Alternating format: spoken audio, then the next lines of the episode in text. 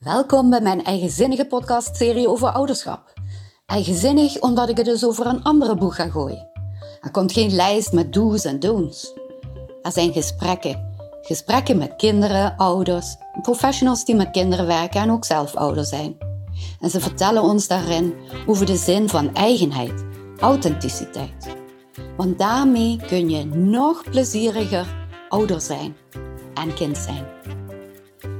Bevestiging, herkenning, verveling, irritatie of inspiratie. Wat jij eruit haalt, laat je verrassen.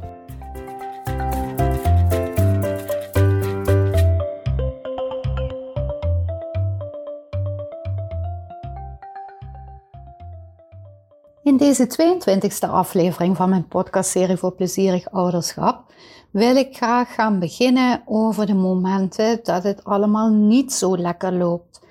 Het is niet altijd roze geur en maneschijn, heb ik dan ook maar een titel gegeven.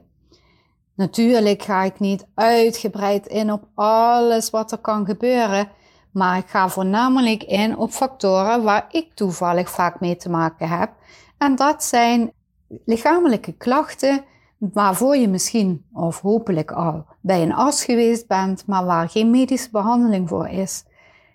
En hoe komen die klachten misschien wel? En hoe kun je ze verhelpen? Nog beter. Maar dat is voor een volgende keer. We gaan het nu even hebben over wat je als ouder in eerste instantie kunt doen om de verbinding met je kind zo goed mogelijk te houden, de communicatielijntjes open te houden en niet bij voorbaat in te vullen wat er dan wel niet aan de hand zou kunnen zijn. Want je zou ervan kunnen staan te kijken wat er eigenlijk aan ten grondslag ligt. Veel luisterplezier! Ouderschap is een van de mooiste maar tegelijkertijd ook meest lastige taken. En in al die interviews die ik in het vorige seizoen heb gehouden met ouders van verschillende leeftijden en in verschillende omstandigheden, hebben we het vooral gehad over de leuke dingen samen.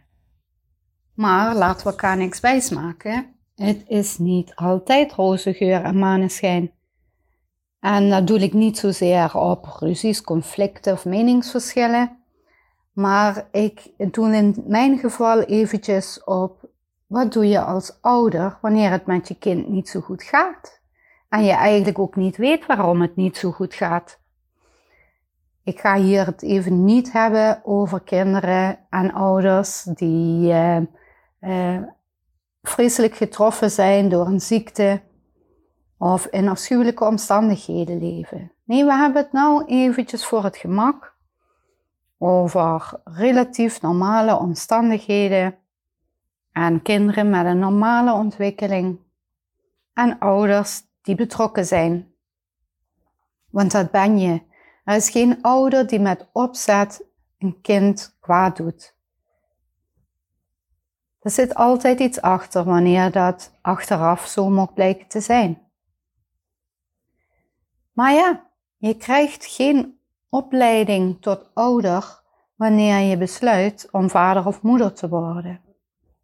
Gelukkig is het wel zo dat er steeds meer van die leuke cursussen komen om je voor te bereiden op ouderschap. En zelfs wanneer je een jong kindje hebt, om al bezig te zijn met hoe jij eigenlijk ouder wilt zijn en blijven en wat daarvoor nodig is.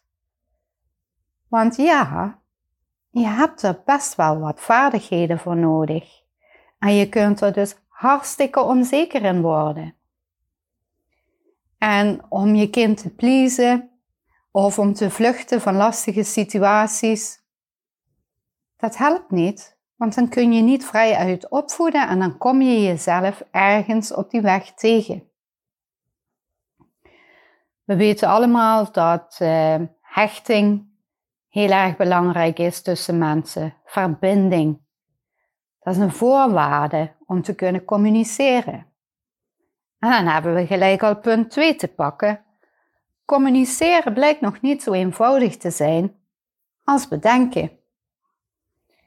Wij als ouder worden ook beïnvloed door hoe wij zijn opgevoed en onze ouders misschien wel waren opgevoed.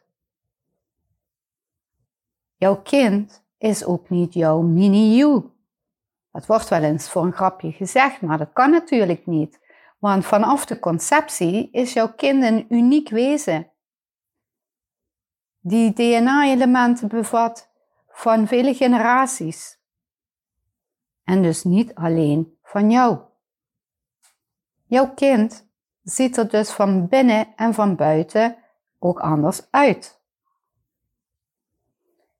En vraagt ook om een unieke benadering. Elk kind is anders. Elke mens is anders. En als je dat uh, bijvoorbeeld wel eens hebt meegemaakt, wanneer je meer kinderen hebt in jouw gezin, dan kun je heel goed zien dat het ene kind bijvoorbeeld meer behoefte heeft aan rust en het andere kind juist aan prikkeling. Dat zijn maar een paar kleine voorbeeldjes, maar zo gaat het het hele leven door. En ouderschap gaat dus ook een heel leven door. Het eindigt nooit.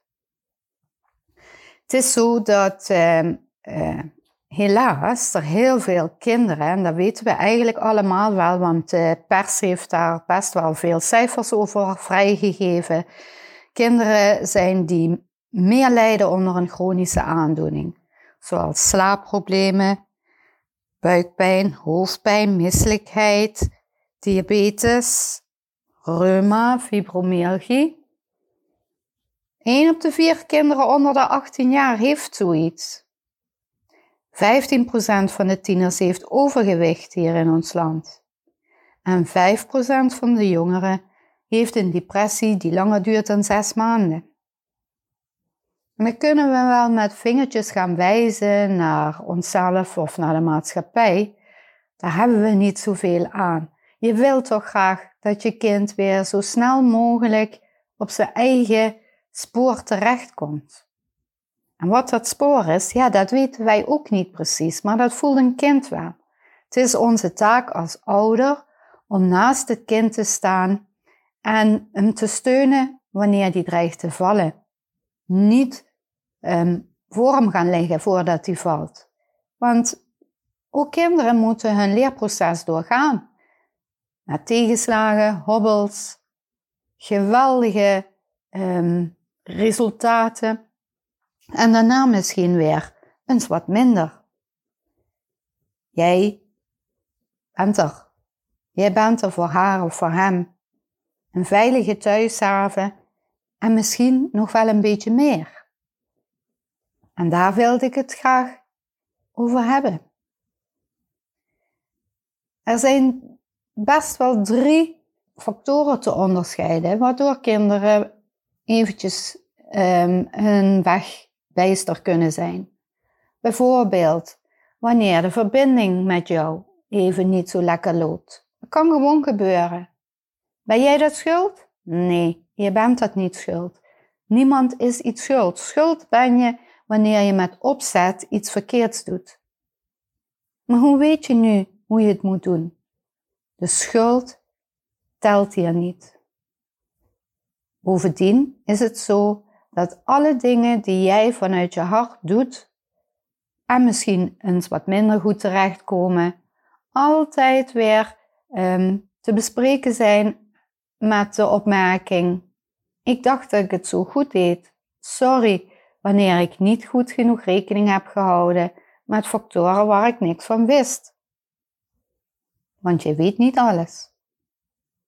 De tweede factor, buiten die verbinding met je kind, is dat je kind in verschillende leeftijdsfases bezig is met wie ben ik? En wat wil ik? In de peuterperiode zie je dat al met ikke, ikke, ikke, koppigheid. Dan komt er weer een andere fase, de basisschoolperiode. En dan komt die zo beruchte puberteit, waarin mensen echt op zoek gaan naar hoe ze willen worden en wat ze belangrijk vinden, los van jou. En dan komt er nog een belangrijke periode, dat wordt wel eens vergeten. Dan denken we, ja, als we de puberteit hebben gehad, dan zijn we er. Nee hoor, die adolescentieperiode, zeg maar zo tussen 17 en 25 jaar, is ook weer een hele belangrijke fase waarin mensen eigenlijk de wereld gaan verkennen op verschillende manieren en daar ook valkuilen tegenkomen. Dan ben jij nog heel hard nodig als ouder. Eigenlijk ben je je leven lang hard nodig. En de derde factor, waardoor het wel eens wat minder goed kan vlotten, zijn de vaardigheden. We gaan even uit van een gewoon normaal ontwikkeld kind. Ook dan zijn er wel eens fases waarin het ene ding nog niet zo goed lukt als het andere. Heel simpel gezegd zie je dat gewoon bij leren fietsen of uh, in droog blijven s'nachts, zindelijk worden of ehm, je concentreren of voor jezelf opkomen. Allemaal losse deeltjes van vaardigheden die we als mens in de loop van de jaren hopelijk leren.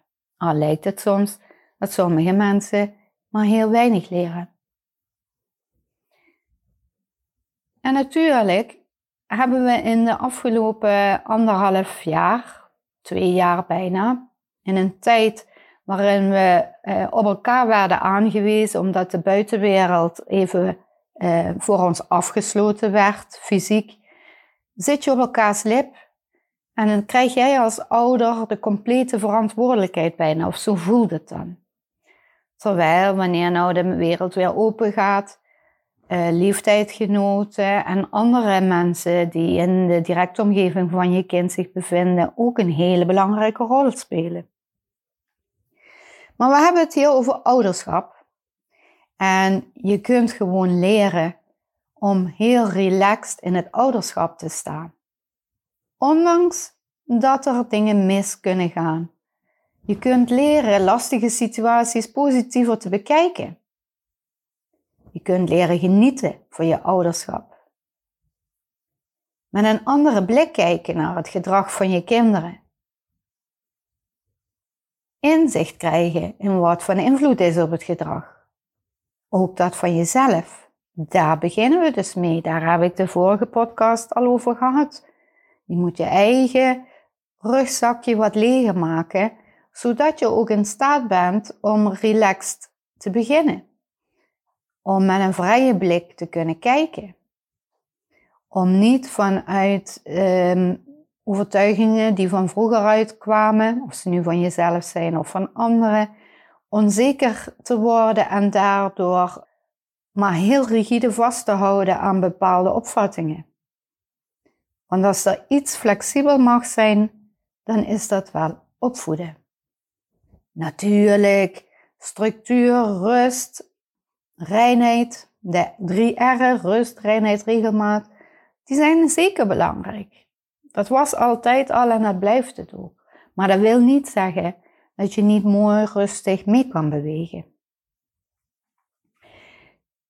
Het is dus eigenlijk best een kwestie van graag je willen openstellen. En dat kan. Ik geef eens een voorbeeldje. Als jij je kind van school ziet binnenkomen, hij gooit zijn tas neer op een plek waar jij niet wil, dan zeg je misschien honderdduizend keer: tas. Hang die tas op. Ruim die tas leeg. Hetzelfde met schoenen. Schoenen uit. Kapstok. Dat zijn maar hele simpele voorbeeldjes. Ja, inderdaad. Zo leren mensen door honderdduizend keer dingen te herhalen. Maar wat het verschil uitmaakt, is wel jouw toon. Als jij het geduld en ook het plezier hebt om aan je kind te laten zien dat je nog even een steuntje moet geven, dan klinkt het anders. Dan klinkt het meer zo van: Ik zie dat je tas op de grond ligt. Hoe is het met je tas? Wil die ook naar de keuken? Hele simpele voorbeeldjes. En probeer eens als je, ondanks dat je natuurlijk zelf ook druk hebt gehad, of geprikkeld bent of pijn hebt, of met een probleem in je hoofd zit, iets heel anders te doen dan dat de verwachting is. Zet een raar stemmetje op of doe eens een typetje. Doe een onverwachte handeling. Gebruik dus gewoon humor. Dat maakt het vooral heel luchtig. En dat geeft aan dat jij niet als een soort uh, uh, dominant persoon altijd maar de wetten voorschrijft. Je bent ouder, geen politieagent. En zelfs als je politieagent bent, kan het vaak anders. Maar dat is even terzijde. Je kunt ook um, vaste ritueeltjes verzinnen, bijvoorbeeld, waar uh, één keer per week of één keer per maand, waarin iedereen gewoon ja, kan geven wat hij wil geven. Tijdens een wandeling of samen uh, een, een vrouwendagje houden, een mannendagje uh, of avondje. Of met het hele gezin op vrijdagavond een spellenavond of wat dan ook. Zo hou jij zonder over moeilijke dingen te hoeven praten. Dat mag wel, maar het hoeft niet. Hou jij je verbinding in stand. En daarnaast probeer je natuurlijk je blik open te houden voor wat je ziet. Ook kinderen hebben dingen in hun hoofd en weten soms niet daar woorden aan te geven. Dus het is niet vanzelfsprekend dat wanneer jij vraagt wat is er toch met je? Dat een kind dan meteen met een A4'tje lang antwoord komt en opnoemt wat er allemaal mis is.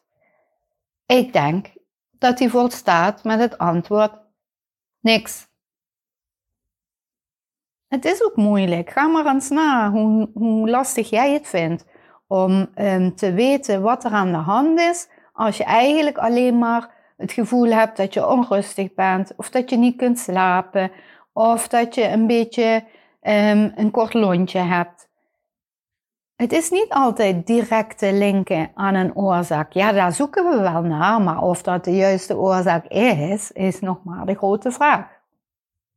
En het is ook niet de bedoeling om maar 24 uur te gaan liggen piekeren over waar dat nou vandaan komt. Dus zo simpel is het allemaal nog niet. En um, een van de grootste valkuilen voor ons als ouder is om iets in te vullen. Bij het zien van een bleek kind denk je misschien van oeps, die voelt zich niet lekker. Of um, we moeten even zorgen voor frisse buitenlucht. Of misschien wel even beter letten op de voeding of het slapen. maar je weet niet wat er aan de hand is, als je er niet op een of andere manier naar gaat kijken. En niet alleen maar vragen gaat stellen, want dat is juist het moeilijke. Iemand zelf weet niet wat er aan de hand is, hoe wil hij dat dan overbrengen? En het is niet zo dat jouw kind um, een watje is of een bepaald gedrag heeft bijvoorbeeld buikpijn of hoofdpijn, om moeilijke dingen te voorkomen. Ja, natuurlijk kan dat eens een keer uh, voorkomen. En als je kind heel clever is, maakt hij daar ook wel eens misbruik van. Wie doet dat niet? Maar als een kind echt continu last heeft van zo'n soort klachten, of echt uh, heel slecht slaapt, lusteloos wordt, dan moet je hem niet proberen te overreden met kom op, Ga dit doen, ga dat doen. Wij vroeger moesten ook hup, hup, hup. Want weet je, daar hadden we het straks al over. Wij zijn allemaal uniek. En ook onze bedrading van binnen is uniek. En de ene mens die raakt minder snel geprikkeld dan de andere mens. En ook nog op een andere manier. Dus eigenlijk gaat de prikkelverwerking bepalen of jij telkens weer terugkomt in je balans een mix tussen spanning en ontspanning, vooral wanneer je natuurlijk een druk dagelijks leven hebt. Of dat je heel snel overprikkeld raakt, door wat voor omstandigheid dan ook. Dus wanneer jij een kind hebt bijvoorbeeld, dat anders besnaard is dan jij, en eh, sneller of minder snel geprikkeld raakt dan jij, dan trekken we verkeerde conclusies bij het gedrag wat ze vertonen. En hoe kom je daar dan achter wat er dan aan de hand is? Nou, op de eerste plaats zou ik zeggen, probeer eens gewoon in het moment te zijn met je kind. Neem daar tijd voor. Sta niet met in één hand de telefoon of de boodschappenmand of de autosleutels. Dring je niet op, maar zorg dat je in zijn nabijheid bent. En sta open voor wat je ziet, voor wat er gebeurt. Kijk, luister. En dan kun je misschien wel eens zien dat iemand boos kijkt of dat hij met spullen een beetje gooit. Natuurlijk kun je denken van, oh, er is iets gebeurd op school. Hij heeft ruzie gehad. Of um, hij had een onvoldoende voor zijn proefwerk. Maar dat weet je niet. Dus hou dat ook voor je. Oordeel niet meteen. Vraag bijvoorbeeld, waarom heb je gelachen vandaag? Wat was er leuk vandaag? En kijk dan of er het moment is om verder te praten. Is het niet zo, laat met rust. Ga niet liggen trekken, doordrammen. Als je kind de ruimte krijgt, pakt hij die ook. En dat kan soms wel even duren. Als je dan even niet weet wat je moet, dan kun je bijvoorbeeld ook voorstellen: wat wil je nu? Maar heb je zin in? En daaruit kun je dan weer samen verder. Ga dat dan ook samen doen. Het is niet om hem te verwennen.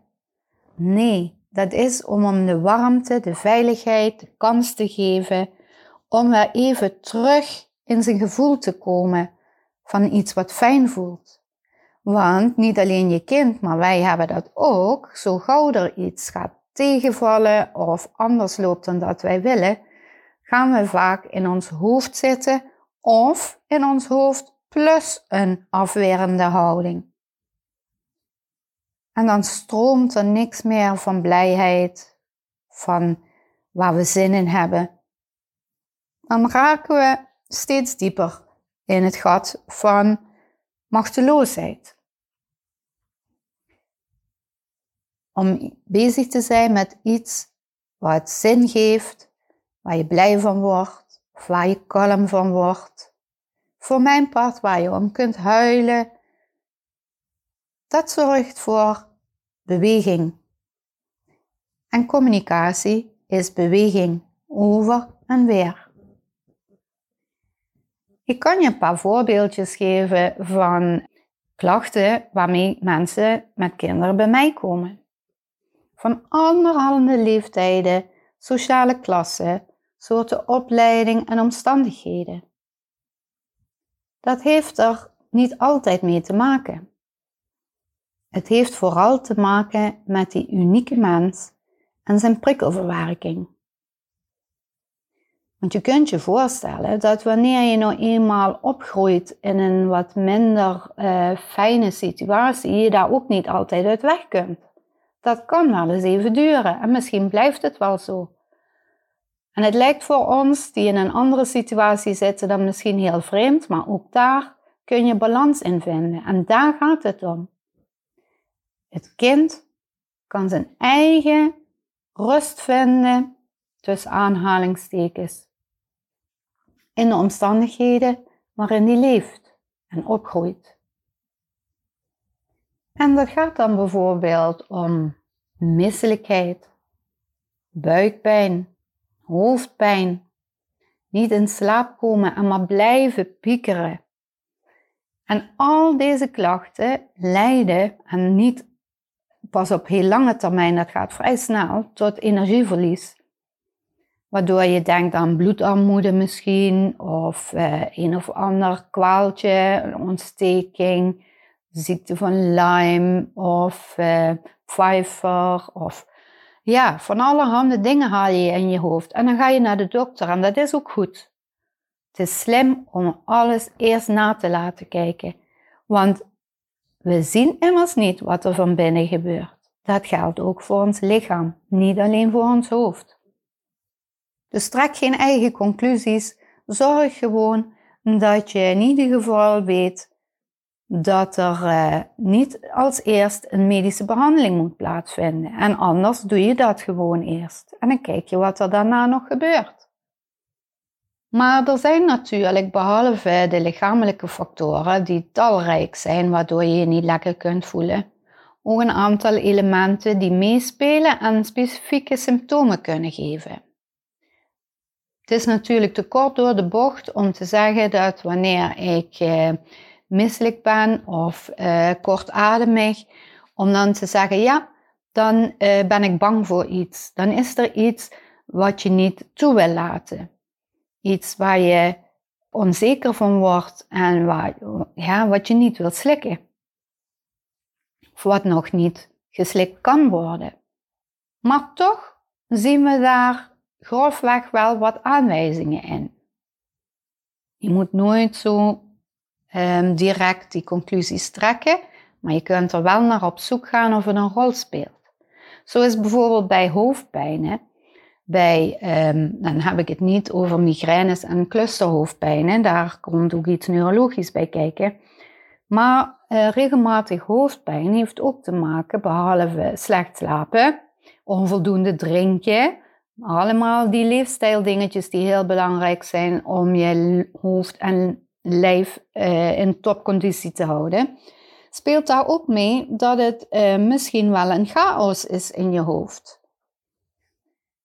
En net zoals wanneer het uh, een rommeltje is in je huis, zo is het ook met een rommeltje in je hoofd. Dat gaat op een gegeven moment irriteren. Je kunt spullen niet meer vinden. Um, je gooit dan maar, omdat je niks meer kunt vinden, maar alles door elkaar. Je weet dat je moet gaan opruimen, maar je weet niet hoe, waar je moet beginnen, waar je de spullen moet laten. Eigenlijk is je hoofd één grote zolder of kelder of berghok waar het een rommeltje is. En daar staan misschien ook nog wel heel veel verhuisdozen die nooit uitgepakt worden. En dat is eigenlijk een soort metafoor, een vergelijking van dingen waar je mee zat die uit het verleden komen, die je niet durft aan te kijken of durft te voelen. Die stop je bij wijze van spreken onbewust in een doosje, zet, eh, plakt er flink wat tape op en schuift het achter in je hoofd of in je hart, waar je het ook wil stoppen ergens, om er nooit meer naar te hoeven kijken. Maar zoveel doosjes geven plaatsgebrek. Dus het is toch wel handig om daar wat in op te ruimen. Zelfs kinderen hebben zo'n doosjes. Ik ga er nou niet op in hoe je dat kunt doen, maar ik geef je alleen maar de suggestie om eens na te gaan of dat het geval kan zijn. Heel veel prikkels tegelijk krijgen kinderen nu. Sociale media spelen een rol, want we staan dus altijd aan. Vroeger stond je na schooltijd gewoon uit. Behalve de mensen waarmee je dan daarna nog omging, had je geen idee van de buitenwereld. En nu krijg je constant input en output tot helaas vaak midden in de nacht aan toe. En dat blijft maar doorcirkelen in die hoofden van onze kinderen en van die onszelf. Dus hoofdpijn heeft te maken met rust en orde in je leven brengen. Ook wanneer je een heel druk schema hebt. Misschien is het toch wel handig om eens na te denken over of dat schema wel zo vol moet staan. Of er ook eens even tijd mag zijn om je hoofd tot rust te laten komen en lekker niks te laten doen, zodat het hoofd zelf kan bepalen wat het opruimt en wat niet, in plaats van alleen maar erbij blijven proppen. Ademhaling, je lucht bovenste je luchtwegen en je borst, die hebben te maken met onzeker zijn, bang zijn, schrikken, twijfelen. Twijfelen aan jezelf vooral. Onmacht. En dan komen we bijvoorbeeld bij de maag. Nou, je kunt behalve wanneer je natuurlijk een uh, medische oorzaak hebt voor een maagaandoening, kun jij door bepaalde omstandigheden flink misselijk worden. En dan heb ik het nu niet even over verkeerde voeding. Je kunt echt misselijk worden van iets wat je ziet, wat je niet kunt verdragen. Het kan zo onrustig in je hoofd en in je omgeving zijn dat het maar blijft klotsen. Je kunt ergens zo'n hekel aan hebben dat je maag zich ervan omdraait. Denk daar eens aan bij maagklachten. Wat is er wat niet verteerd wordt, niet opgenomen wordt? En dan komen we bij de buik. Ja, het verschilt wel een beetje of je in je boven- of in je onderbuik klachten hebt. Maar in het algemeen kun je wel zeggen dat de buik een plek is voor zogenaamde vergeten emoties. Want wanneer je druk hebt en je hebt geen tijd om boos te zijn of om de boosheid of verdriet of spanning, frustratie, ergernis of zelfs hele grote blijheid op een eh, makkelijke manier van je af te laten gaan, dan absorbeer je dat. En dat zoekt ergens een plekje. In je hoofd is natuurlijk niet veel plaats, want daar wordt steeds maar wat bijgepropt. Dus zoekt het een plek waar heel veel ruimte is en waar helaas ook heel veel zenuwcellen liggen. Je buik. Boosheid, waarvan je misschien niet eens meer wist dat je hem had. Verdriet. Niet geleefde emoties. Omdat het niet kon, of omdat je niet wist hoe het moest, of omdat je niet durfde omdat het niet gepast was. Allerlei redenen waardoor je zo'n buikklachten kunt krijgen. En het is niet alleen maar zoiets simpels van het huiswerk is te veel of de schoolstof is te moeilijk. Meestal spelen meer factoren bij elkaar die niet goed verwerkt worden, zodanig in op de prikkeling van ons lijf, dat ons lijf in alarmstand blijft staan. Op zich een hele goede uitvinding, want als we in alarmstand staan, dan wordt het tijd om te vechten, te vluchten, liefst niet te bevriezen, maar ook dat is soms handig. Het is wel de bedoeling dat die alarmstand weer overgaat. Terug naar de fabrieksinstelling. En dat is wat dan soms niet meer gebeurt. Daar heb je niet altijd zomaar een uh, trucje voor. En zeker niet wanneer klachten al een soort patroon zijn geworden in jouw uh, reageren van je lijf. Dan zul je daar ook weer training voor moeten gaan doen om die alarmstand blijvend om te zetten in de fabriekstand. En misschien nog wat extra uh, kracht om te voorkomen dat het de volgende keer weer gebeurt. Want het gebeurt vaak niet met opzet, onbewust.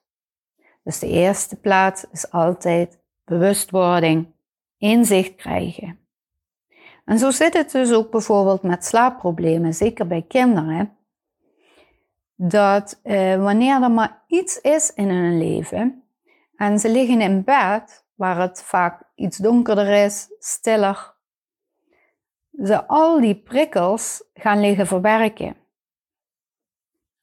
Zeker wanneer het voor bedtijd te druk was om die prikkels te verwerken. Dan begint het juist nu, terwijl ze stil liggen of zouden moeten liggen. En dan komt het hoofd niet meer stil. Als een molentje draait alles rond, misschien naar rechts, misschien naar links of alle kanten uit.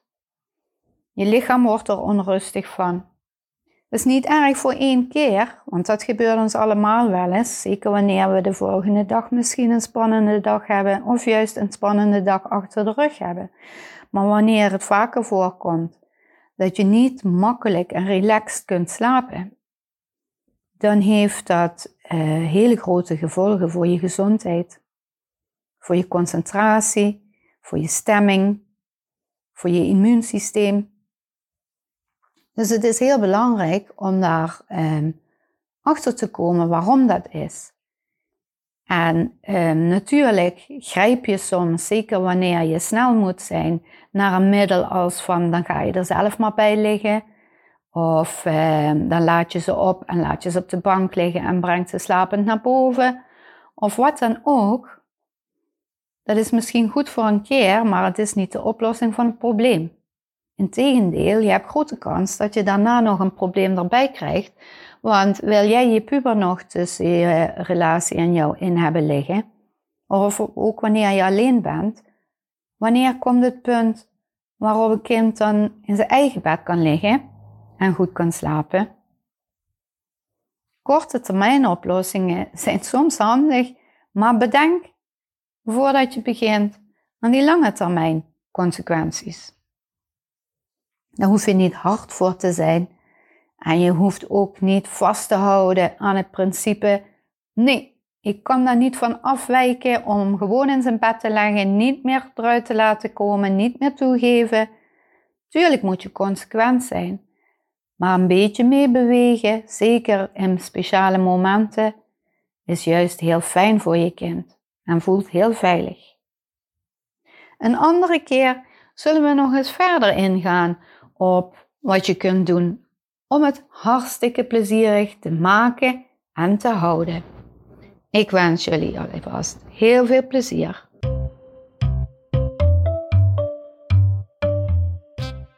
Superleuk en dankjewel dat je luisterde naar deze aflevering. Wil je meer van deze verhalen horen? Abonneer je dan. Je kunt me nog een groot plezier doen door andere mensen attent te maken op mijn luistermomenten. Graag tot de volgende keer.